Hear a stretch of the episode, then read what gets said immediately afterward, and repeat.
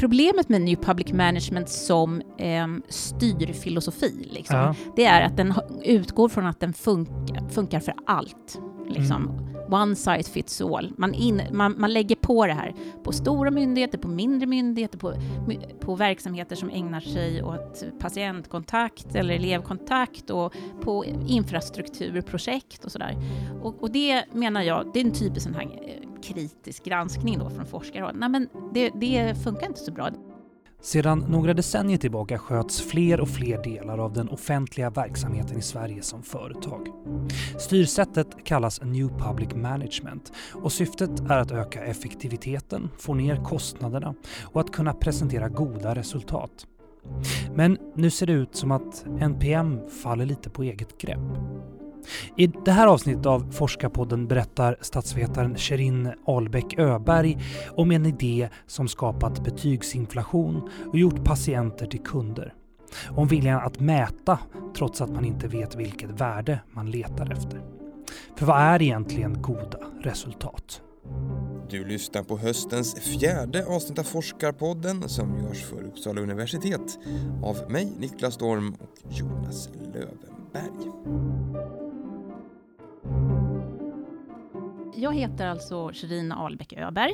Jag är docent och universitetslektor i statskunskap här vid Statsvetenskapliga institutionen i Uppsala. Och det betyder att jag forskar och undervisar inom statskunskap här i Uppsala. Och, men du har ja. ett särskilt forskningsområde, eller hur? Kan du ja, det? ja, det är ju framförallt styrningen och granskningen av den offentliga verksamheten. Och det betyder helt enkelt att jag är intresserad av eh, förutsättningarna för att genomföra politik som eh, ja, politiker fattar beslut om i till exempel riksdagen. Eh, det, ska ju, det liksom räcker inte med att man fattar bra beslut eller beslut av någon sort, utan det ska också genomföras. Och, och de parametrar som vi brukar diskutera, det är ju liksom att det, eh, vad ska det vara för typ av organisation? Vem ska vara liksom huvudman? Ska det vara offentligt eller privat? Eh, vi, ska det vara en decentraliserad eller centraliserad organisation? Det är den typen av, av göranden som inrymmer. Det handlar också om vilken typ av personal ska vi ha? Ska det vara specialister, generalister? Vilka villkor ska de ha? Eh, det är också frågor om hur verksamheten ska finansieras. Är det via statsbudgeten till exempel, eller är det via avgifter? Eh, och det handlar också om hur verksamheten ska regleras. Eh, alltså vilken typ av ska det, ja, lagar och förordningar ska gälla. Så det är många val. Liksom. Det är inte så enkelt som man skulle kunna tro. Det finns liksom inte en typ av organisation eller bemanning eller så som funkar för alla typer av offentlig politik. Hur eh, kommer det sig att du blev forskare?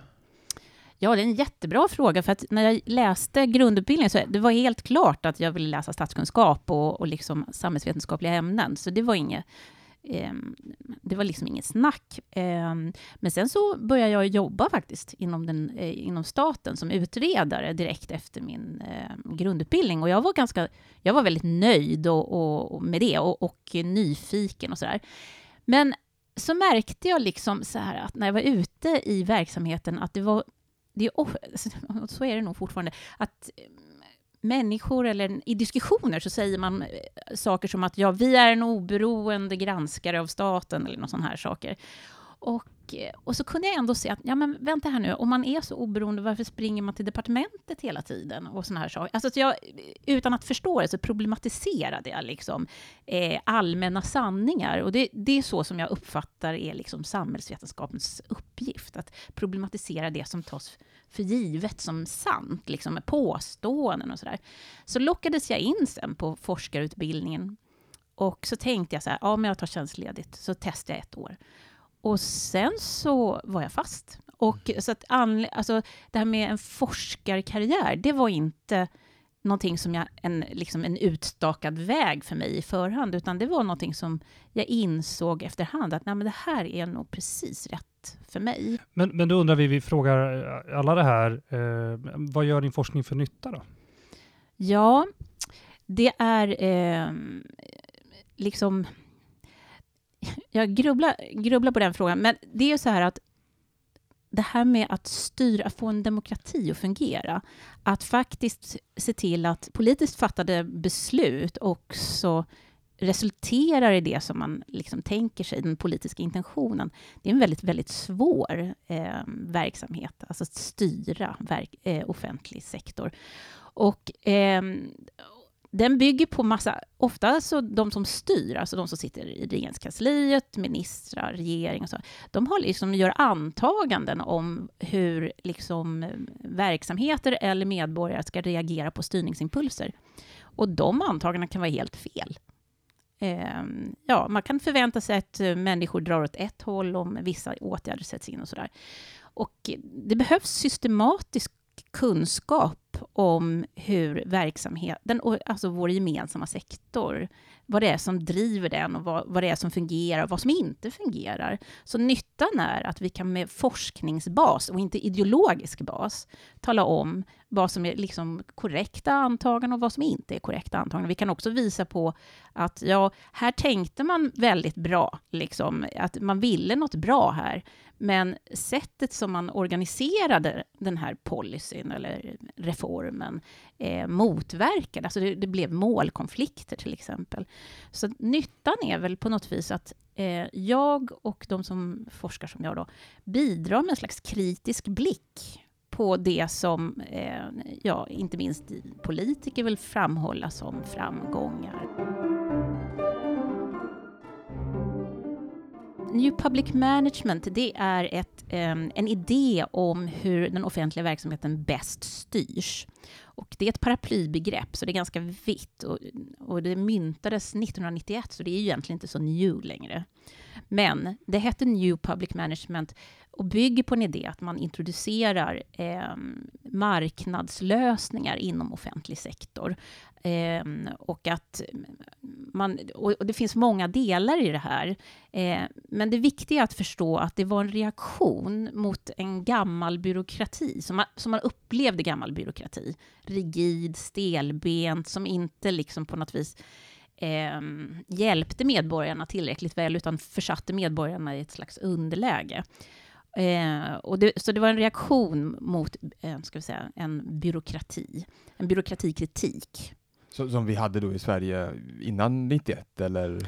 Eh, 90, ja, alltså det här byråkratikritiken kom ju tidigare, 70 80-talet. För man ska komma ihåg att vad, vad, som hände, nu måste jag säga det liksom lite historiskt, ja, under efterkrigstiden eh, så skulle ju till exempel i, den, i Sverige då, då stod staten från början för eh, den som löste sociala och ekonomiska problem. Och eh, man skulle tillförsäkra medborgarna eh, allt möjligt. En god utbildning, ett bra boende, eh, en god sjukvård och så vidare. Och, och det där var liksom, då var staten den som löste de här sociala problemen. Och det innebar ju att de offentliga sektorerna i Sverige, men även i andra välfärdsstater, de de svällde, de blev jättestora eh, eller stora relativt sett. Och i, i takt med det, så vid 70-80-talet, när liksom ekonomin började gå i stå och eh, så, så, då började det liksom komma mer och mer kritik mot de här svällande, som man uppfattade då, svällande byråkratierna. Och där man tyckte att eh, det saknades liksom marknadsmässiga signaler i verksamheten som på något vis eh, skulle göra att verksam, eh, den offentliga verksamheten skulle bli mer effektiv och så. Och till exempel så var det ju väldigt, när det gäller skolan, då fick, man kunde ju inte byta skola eh, på den tiden. Det var, ehm, och överhuvudtaget, eh, att välja var svårt för medborgarna. Och det intressanta är, men då, kom, då sveper över världen den här idén om att eh, den offentliga sektorn måste bli, få mer av marknadslösningar. Och med marknadslösningar, det, vad menar man då? Ja, det är två... Alltså, jag sa ju att New Public Management är ett paraplybegrepp, så det inrymmer ganska mycket. Men om man ska göra enkelt för sig så finns det två huvudspår. Det ena handlar ju om att man ska... Eh, relationen mellan den offentliga eh, organisationen, eller myndigheten, eller verksamheten, eh, företag, Eh, eller, och, och medborgarna som då i nyspråket kallas kunder.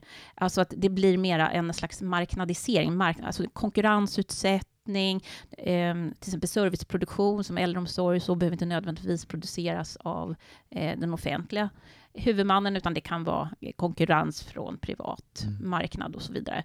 Så det är liksom marknadiseringsdelen och den tror jag att de allra flesta relaterar snabbast till när man pratar om marknadslösningar. Men det finns en annan del också som har faktiskt varit mycket mer eh, genomgripande i det svenska och det är det vi kallar management eller företagisering om man vill översätta. Och det handlar om hur offentliga myndigheter ska styras. Och där har man ju lagt på väldigt mycket mer av det som man uppfattar vara företagsvärldens liksom, eh, metoder. Som till exempel att man ska ha man, man betonar ett starkt ledarskap, en, en chef som liksom styr med hela handen, som ska effektivisera verksamheten. Och chefen behöver inte ha någon erfarenhet av den verksamhet som man ska leda. Utan eh, chefen ska vara en bra chef och kan hoppa, liksom, hoppa ner i vilken verksamhet som helst. Okay, ja. Ja, och det andra i den här managementfilosofin, det är ju det här med starka resultatkravet. Att det är mycket, mycket, plötsligt så blir det så resultatindikatorer och ett, liksom en slags transparens kan man säga i vad som faktiskt kommer ut av verksamheten. Att man vill veta vad, vad, vad har ni gjort? Och det handlar då kanske om eh jag tänker, är det då kanske konkreta mål och granskningar och eh, alltså att, att man ska kunna då följa verksamheterna hela tiden, hur de presterar, eller? Ja, alltså eh, på ett sätt så var det ju helt rimligt att man införde mer av resultatkrav eh, i den offentliga verksamheten. För förut så var det ju så här att man, man eh, bad om medel varje år hos departementet och så när eh, och departementet prövade det och så fick man sin budget och sen var det liksom inte så liksom systematiskt att man talade om sen vad man gjorde. Så att det var helt klart nödvändigt. Eh, men den typ av eh, resultat ska säga, indikatorer, så det, det är det att det har verkligen svällt, så att det har skapat en ny administration, att man hela tiden ska rapportera in vad man gör. Att det blir liksom, vi pratar idag om administrativa bördor. Och eh, ska vi säga, det är det, när man pratar om granskningssamhället, den här eh, önskan om att eh, följa upp och, och eh, som ja, måste jag ändå säga ändå rimlig från början, följa upp resultat och så, att det har fått ett eget liv eh, och, skap, och konkurrerar med den verksamhet som eh, olika offentliga verksamheter egentligen ska mm. ägna sig åt. Jag tycker ett tydligt exempel är ju till exempel lärarna i skolan. Det brukar tas upp som ett exempel, men det finns också forskning som visar att eh, läkare och sjuksköterskor ägnar jättemycket tid åt att rapportera in saker snarare än att Eh, va, ge vård? Alltså. Ja, ge ja. vård. Ja, och, och, det är ju förstås, då har det ju gått för långt. Mm. För det leder oss in på frågan nästan, vad, alltså, om det här nu är det, det nya som kanske inte är så nytt längre, men fungerar New Public Management då? Ja, den, så här, problemet med New Public Management som eh, styrfilosofi, liksom, ja. det är att den utgår från att den funkar, funkar för allt. Liksom. Mm one size fits all. Man, in, man, man lägger på det här på stora myndigheter, på mindre myndigheter, på, på verksamheter som ägnar sig åt patientkontakt eller elevkontakt och på infrastrukturprojekt och sådär. Och, och det menar jag, det är en typisk sån här eh, kritisk granskning då från forskare. Nej, men det, det funkar inte så bra därför att eh, när det gäller till exempel eh, kunskapsintensiva verksamheter som skola och eh, mm. sjukvård, det bygger liksom på att man delegerar rätt mycket eh, ansvar till olika professioner att se till att man eh, ja, producerar, om vi ska använda det språket, ehm, eh, god sjukvård enligt den utbildning som man har, eller att man gör en bra undervisning och skola. Men problem, så att, alltså NPM från början hade en, väl, en, en idé om att man skulle delegera till de som faktiskt kan decentralisera, alltså en stark decentraliseringsidé. Men just eftersom den här efterfrågan på resultatindikatorer matas på från centralt håll hela tiden, så blir det en centralisering. Alltså plötsligt så konkurreras professionernas eller de offentliganställdas egna idéer om vad som utgör väl utfört arbete av, av andra som externt sätter då liksom mål eller måttstockar som de som jobbar i den offentliga verksamheten inte alls eh, tycker rimmar med, med, deras syn på vad en god vård eller en god undervisning är. Så svaret på din fråga är att man kan inte såga NPM jäms med fotknölarna bara, men jag kan säga att diskussionen i den internationella forskningen är väldigt kritisk, just till exempel eh, vad gäller hur det här påverkar eh, arbetet för de som jobbar inom eh, skola och sjukvård. Men det, är också där, det verkar ju vara någonting ganska idéburet det här. Har det någon vetenskaplig grund när det här uppstår eller har ni fått applicera vetenskapen på efteråt och se om det fungerar? Nej, det är idéburet. Det är alltså en idé som emanerar från um, Reagans USA och Thatchers Storbritannien. Alltså, och det är ideologiskt grundat i att man inte vill ha en storstat och att man ser marknaden som en, en bättre modell för att genomföra eh, verksamheter. Ehm, men det är intressant, alltså det, det här är, ehm, bygger på en nyliberal idé om marknadens företräden. Liksom. Ehm, men det intressanta är att det är för lätt att göra det till en höger-vänster-fråga. Därför forskningen visar internationellt också att i, väl, i många länder så är det socialdemokratiska regeringar som har genomfört eh, de, ja, inlett den här New Public Management-eran och, och det, så är ju fallet i Sverige till exempel. Hur stort utrymme eller influens har New Public Management på, på svenska offentliga verksamheter idag? Stort. Alltså vi, vi har ju, det är ju bara att titta på mål och resultatstyrning, individuell lönesättning, eh, skolans konkurrensutsättning som är den mest långtgående i hela världen, alltså marknadiseringen av skolan. Så att eh, Sverige var, har som vanligt liksom varit på tårna och applicerat de här idéerna inom en mängd olika verksamheter. Det är först nu, eh, sen 2013, ska jag säga, de senaste åren, som man faktiskt i den offentliga debatten och även på politiskt håll problematiserar detta. Att det kanske inte är så att eh, marknaden alltid är den bästa eh, typen av liksom, eh, organisationstypen för den offentliga verksamheten. Det finns en, en kritik nu och det, det, det, märker man ju i, i nu i dagarna när till exempel den sittande regeringens civilminister Ardalan Shekarabi, eh, man går ut med att det här med vinster i välfärden, man ska, ska sätta en vinstbegränsning, det är ju liksom en reaktion på NPMs, eh, hur långtgående det har varit inom till exempel skolan. Eh, och man, och man vill göra det till, man, man kommer inte få igenom det i riksdagen, vinstbegränsning, men man gör det då till en valfråga. Så det har liksom blivit, från att varit ganska apolitiskt och folk liksom inte varit uppmärksamma på den här utvecklingen under de senaste 20-25 åren, så är det mycket mer en politisk fråga idag. Varför ska folk bry sig om hur New Public Management påverkar verksamheter? Det kan kännas väldigt teoretiskt, liksom. men, men varför ska de mm. engagera sig i det här?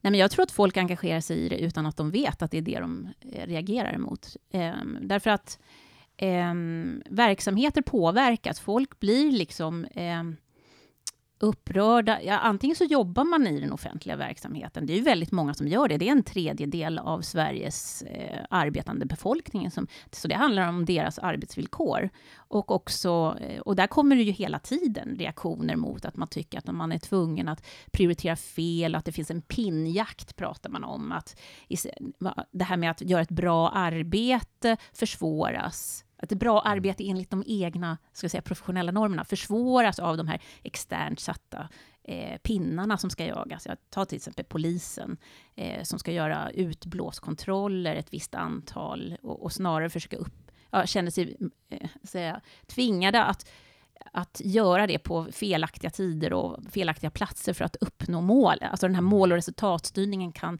eh, driva fram perverst beteende. Så det är det ena. Och de som inte jobbar i den offentliga verksamheten, de är oftast, ska vi säga, i kontakt med offentlig verksamhet ändå. Antingen via skola eller universitet, eller de kanske eh, har barn i förskolan eller äldreomsorgen. Och det finns mycket tydligare, ska vi säga, folk observerar att verksamheter kanske inte fungerar. Vi har en förlossningskris nu, till exempel, eller en kris i förlossningsvården. Mm. Huruvida det är kopplat till NPM eller inte, det, det kan man liksom diskutera. Men, men i alla fall, det kan uppfattas så av medborgare. Så att jag skulle nog säga att när det gäller organisationen och bemanningen och verksamhetens eh, ska säga, förutsättningar, den offentliga verksamheten, så är det många som reagerar. Eh, och så den här teoretiska förståelsen som jag bidrar med kanske inte alla vill ha, men, men, men jag, jag tycker det är viktigt att på något vis fånga upp det här, att någonting som vi har levt under och som inte har haft ett språk eller ett namn, att vi kan faktiskt diskutera det. Ja, det... Du pratar om det här jaga pinnar och så här, att allting ska mätas. Alltså finns det inte en... Är det inte bra att verksamheter följs upp då? Och, och granskas? Jo, men kritiken handlar ju inte om att man följer Nej. upp och så, utan kritiken handlar om hur man gör det. Och eh, de här måttstockarna, de kan ju eh, alltså vara eh, Eh, väldigt kontraproduktiva. Jag, kan ta min egen verksamhet som exempel. Alltså, någon, de, de anspråk som New Public Management gör, eller de som mm, mm, mm, har burit de här idéerna, det är att verksamheter eh, får bättre kvalitet och blir effektivare. Det är de anspråken man gör. Va? Och, och då betyder det att eh, hur man mäter, det ska ju på något vis korrelera då med att man mäter kvalitet eller effektivitet. Och eh, inom min verksamhet så är det så här att eh, nu mäts eh, huruvida jag gör ett bra jobb eller inte som lärare på en kurs, det är hur, mäts på hur många studenter som klarar godkänt-gränsen. Det skulle betyda att ju fler som klarar godkänt-gränsen, desto högre kvalitet är det. Risken är ju att jag sänker ribban. Ja, ja. ja precis. Eh, för, för mig kan det vara precis tvärtom. Att eh, om, eh, om säga, inte en stor andel, men om flera inte klar, alltså måste göra om tentan eller så, så kan det vara ett uttryck för att vi faktiskt har kvalitetskrav. Ja. Det är samma sak med sjukvården. Ett sätt som man försöker mäta kvaliteten i sjukvården är att titta på hur många patienter en läkare träffar per timme. Och då är liksom det underliggande antagandet är ju fler patienter man träffar, desto bättre. Men det kan ju vara precis tvärtom. Så förstår ni att mm. det är liksom inte det här med att man vill följa upp eller hålla koll på verksamheter som egentligen är problemet. Problemet är vem det är som sätter de här måtten och vilka antaganden de här måtten eh, vilar på. Varför sätts de fel då, de här måtten? Men det, NPM är ju också en kritik av den liksom kvalitativa bedömningen, alltså att man var i händerna på olika professioners egna bedömningar om hur verksamheten bedrevs. Man ville liksom kunna säga från externt håll, kunna bedöma om, om eh, verksamheten bedrevs på ett bra sätt eller inte. Eh, det, är en fråga om makt alltså också. Och ehm, förut var man ju liksom tvungen att lita, alltså, ja, lita på den här kvalitativa bedömningen. Men genom att nu mäta, och då, då känner, man att man, eh, liksom, även om man inte är i verksamheten eller kan verksamheten, att man, att man faktiskt kan se huruvida verksamheten går bra eller dåligt. Eh, och eh, ja, de som sätter eh, ofta de här eh, eller formulerar de här indikatorerna och så, det är ju personer som sitter utanför verksamheten, som inte nödvändigtvis är del av den professionella verksamheten. Mm. Så det är ju förstås en, en konflikt här. Och det är typiskt, jag tycker det är så väldigt bra att ni ställer de här frågorna, för att det här är en, en typ, alltså de som förespråkar NPM har ofta det här perspektivet att det här med att följa upp och, och granska och så här, att det är liksom ni, värdeneutralt. Det är värdeneutralt. Alltså det är klart att man ska liksom visa vad man gör och sådär. Men det vi pekar ut då med vår forskning inom mitt fält är, nej men det är inte värdeneutralt. För det är vissa värden som st står framför andra. Och det är också att det finns en konflikt här mellan, eh, alltså, ja, mm. statsvetare är väldigt intresserade av konflikter också. Eh, att det är en, en fråga om makt helt enkelt. Vem avgör vad som utgör väl utfört arbete? Så, så att, eh, lösningen är då att, att så att säga, delvis rulla tillbaka det här. Alltså att man inte stryker en del av de här målsättningarna som man ska följa upp och granska och, och ge då mer makt och inflytande till, till eh, personerna som kan de olika yrkena. Ja, att man ger lite mer utrymme till dem att själva organisera sitt arbete för att på bästa sätt eh, uppfylla de ramar som politikerna ändå har satt. Jag menar, ja. både skolan och vården är omgärdad av massa lagar och förordningar och liksom sådär. Så det är inte precis som att man släpper fältet fritt. Eh. Och den här idén då, om att vi ska eh, ge, ge tillbaka eh, makten till, till de som är yrkesverksamma till professionen. Mm. Är det, finns det något, något, politiskt stöd för den tankarna? Eller finns det, ja, man... numera finns det faktiskt det. Ehm, eh, den sittande regeringen har ju tillsatt en tillitsdelegation vars uppgift liksom är att på något vis eh, ta, undersöka och föreslå hur man kan ge tillbaka eh, eller skapa större tillit till att verksamheter Alltså att, att helt enkelt mm. ska vi säga, skära av detaljstyrningen. Det är väl en del av det som ska undersökas i och för sig, de har inte lagt fram det ännu. Men alltså peka på vilka effekterna blir till exempel av ehm, eh, sådana här system som ersättningssystem som eh, för det är ju ofta så att de här pinnarna då, eller det som mm. är kopplat till budgeten. Så att ju fler som har eh, förut hette det ju MVG, men ja, A i skolan, desto bättre. Då var det ett kvalitetsmått på att skolan gick bra. Men det har ju liksom, det vet vi nu, det är ju belagt, det har ju genererat en, en betygsinflation. Så att det är massa sådana här eh, delproblem som då nu ska genomlysas. Så att politiskt, ja, i Sverige, och det är unikt kan jag säga. Eh, när jag åker på internationella konferenser så är mina kollegor från andra länder väldigt intresserade av det här med tillitsreform och så vidare, vad som pågår här.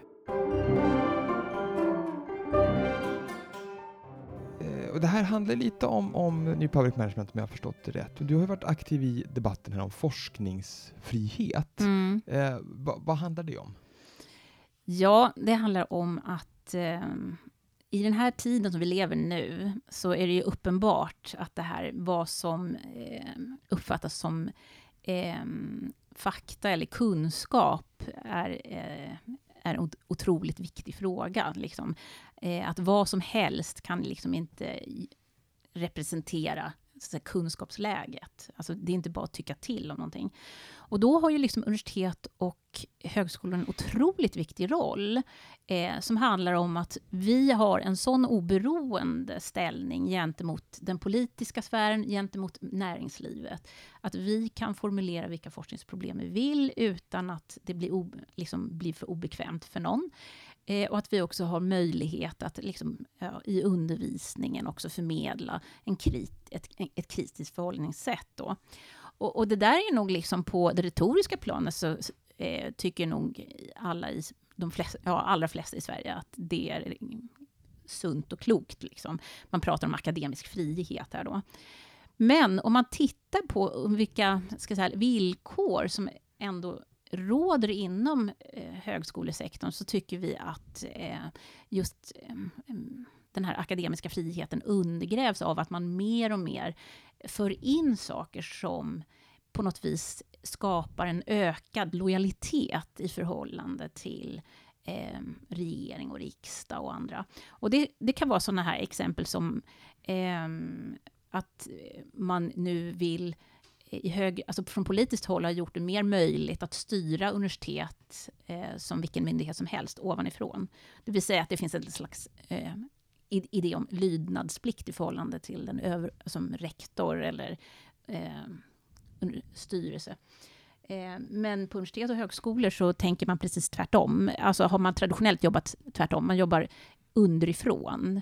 Det är inte rektor eller universitetsstyrelsen som fattar beslut om vad som ska beforskas eller vad som ska, eh, vilka kurser man ska ge och sådär, utan det, den verksamheten fattar eh, vi som är i verksamheten beslut om själva, i ordnade former förstås. Eh, men det, det, där håller på att svänga. Så att den del av NPM som, in, som innehåller det här med det starka ledarskapet, alltså som i den eh, anglosaxiska litteraturen kallas managerialism, det, den är absolut här. Sen handlar det också om just det här hur det här med genomströmning, det har jag redan pratat mm. om och sådär. Så att eh, New Public Management-idéer, de är definitivt inne på högskoleområdet och utmanar då detta med forskningens frihet och det, det har vi reagerat starkt på. Tyvärr så har vi reagerat lite sent, tycker jag. Men så, att, så att det handlar helt enkelt om att, som tidigare då, så kunde det, fanns det tendenser snarare då att ni som forskare själva bestämde, det här är de intressanta frågorna, det här är intressanta ämnet, Mm. och nu finns det tendenser till att antar jag bidragsgivare eller universitetsledningen eller någonting säger att vi ska ha de här ämnena. Ja, liksom. vi ska ha den här profilen. Ja, okej. Vilket gör liksom att eh, de som inte forskar inom den profil, alltså då är det inte den vetenskapliga övervägandet om vad som är en viktig fråga som avgör, utan det är helt andra överväganden, andra värderingar, till exempel om att det här bör vara en profilfråga. Det är ju liksom mera ett varumärkestänk. Va- Vad är nästa steg i din forskning? Ja, ehm, vi har börjat med ett nytt projekt nu där vi ska kolla på hur regeringar samarbetar eh, eller försöker skapa samarbete mellan myndigheter. Alltså för den, NPM skapar stuprör liksom, med resultatenheter som är på, och som ska leverera uppåt. Och, och med många samhällsproblem är ju faktiskt eh, rör flera sektorer. Så det ska vi titta närmare på. Jag ska också eh, beforska, eh, skriva lite mer om högskolepolitik och, och varför ehm, eh, universitet är viktiga samhällsinstitutioner eh, i ljuset av det som vi ser, utvecklingen vi ser i omvärlden. Jag, jag tänker Polen, Turkiet, USA. Sådär. Ja, Tack, vad kul att vi fick prata med dig. Ja, Superkul! Ja, kanon! Tack, tack, tack. Diskutera gärna det här avsnittet med oss på sociala medier. Vi finns på Twitter inte minst. Använd hashtag forskarpodden för att nå oss. Eller så kan du mejla på forskarpodden gmail.com. Och i nästa avsnitt träffar vi Björn Olsen som bland annat forskar kring antibiotikaresistens. risken att vi ska drabbas av en ny pandemi är hundraprocentig. Det är den. Det är inte, det är inte frågan om om, utan frågan om när vi får dem. Det kommer att ske. Ja, det var allt för den här gången. Tack för att du har lyssnat. Du har hört Forskarpodden, en produktion av Piggelkott Media för Uppsala universitet med musik av Marcus Sjöblom.